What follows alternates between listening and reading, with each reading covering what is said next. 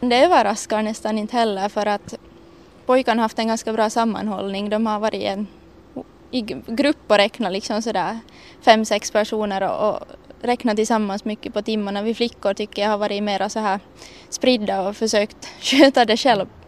Så jag tror att det kan ha stor inverkan på hur det har gått. Vad tror du att det beror på att pojkarna har lyckats hitta den här gemenskapen?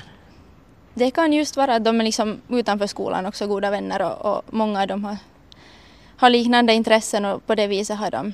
Och sen i gymnasiet så det är ändå, vår skola är ändå så pass liten så man kommer ganska nära varandra. Och där formas ju lite grupper och, och så att. Mm. Men ni tänkte aldrig från flickornas sida att ni skulle kunna göra samma sak? No, nu har det varit, finns det ju grupper och, och sådär men att det har varit mera splittrat om vi säger så att alla, har skött, alla grupper har skött sitt.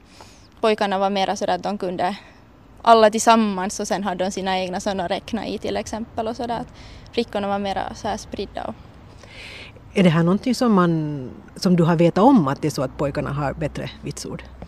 Nej, men det är ju sådär att pojkarna har ofta den där de har lätt att inte ha så stor stress över det och jag tror att det har en stor fördel just i studentskrivningarna att man inte har så stora krav på sig själv för det vet jag att jag själv hade jättestora krav på mig själv och, och sen om man misslyckas så då känns det ju mycket värre och tar man det lite lugnare så går det oftast bättre.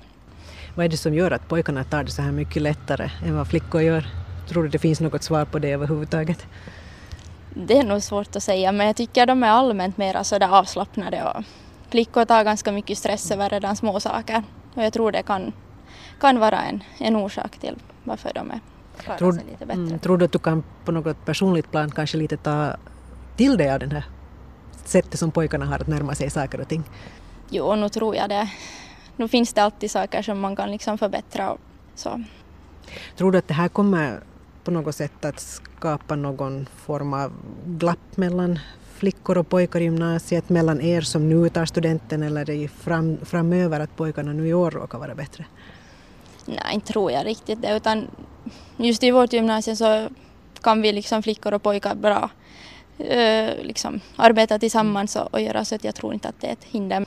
Hur är det med ska vi säga, studiemotivationen i Ekenäs gymnasium både bland flickor och pojkar? Är det så att man verkligen vill prestera det bästa eller eh, är det så att man inte riktigt bryr sig?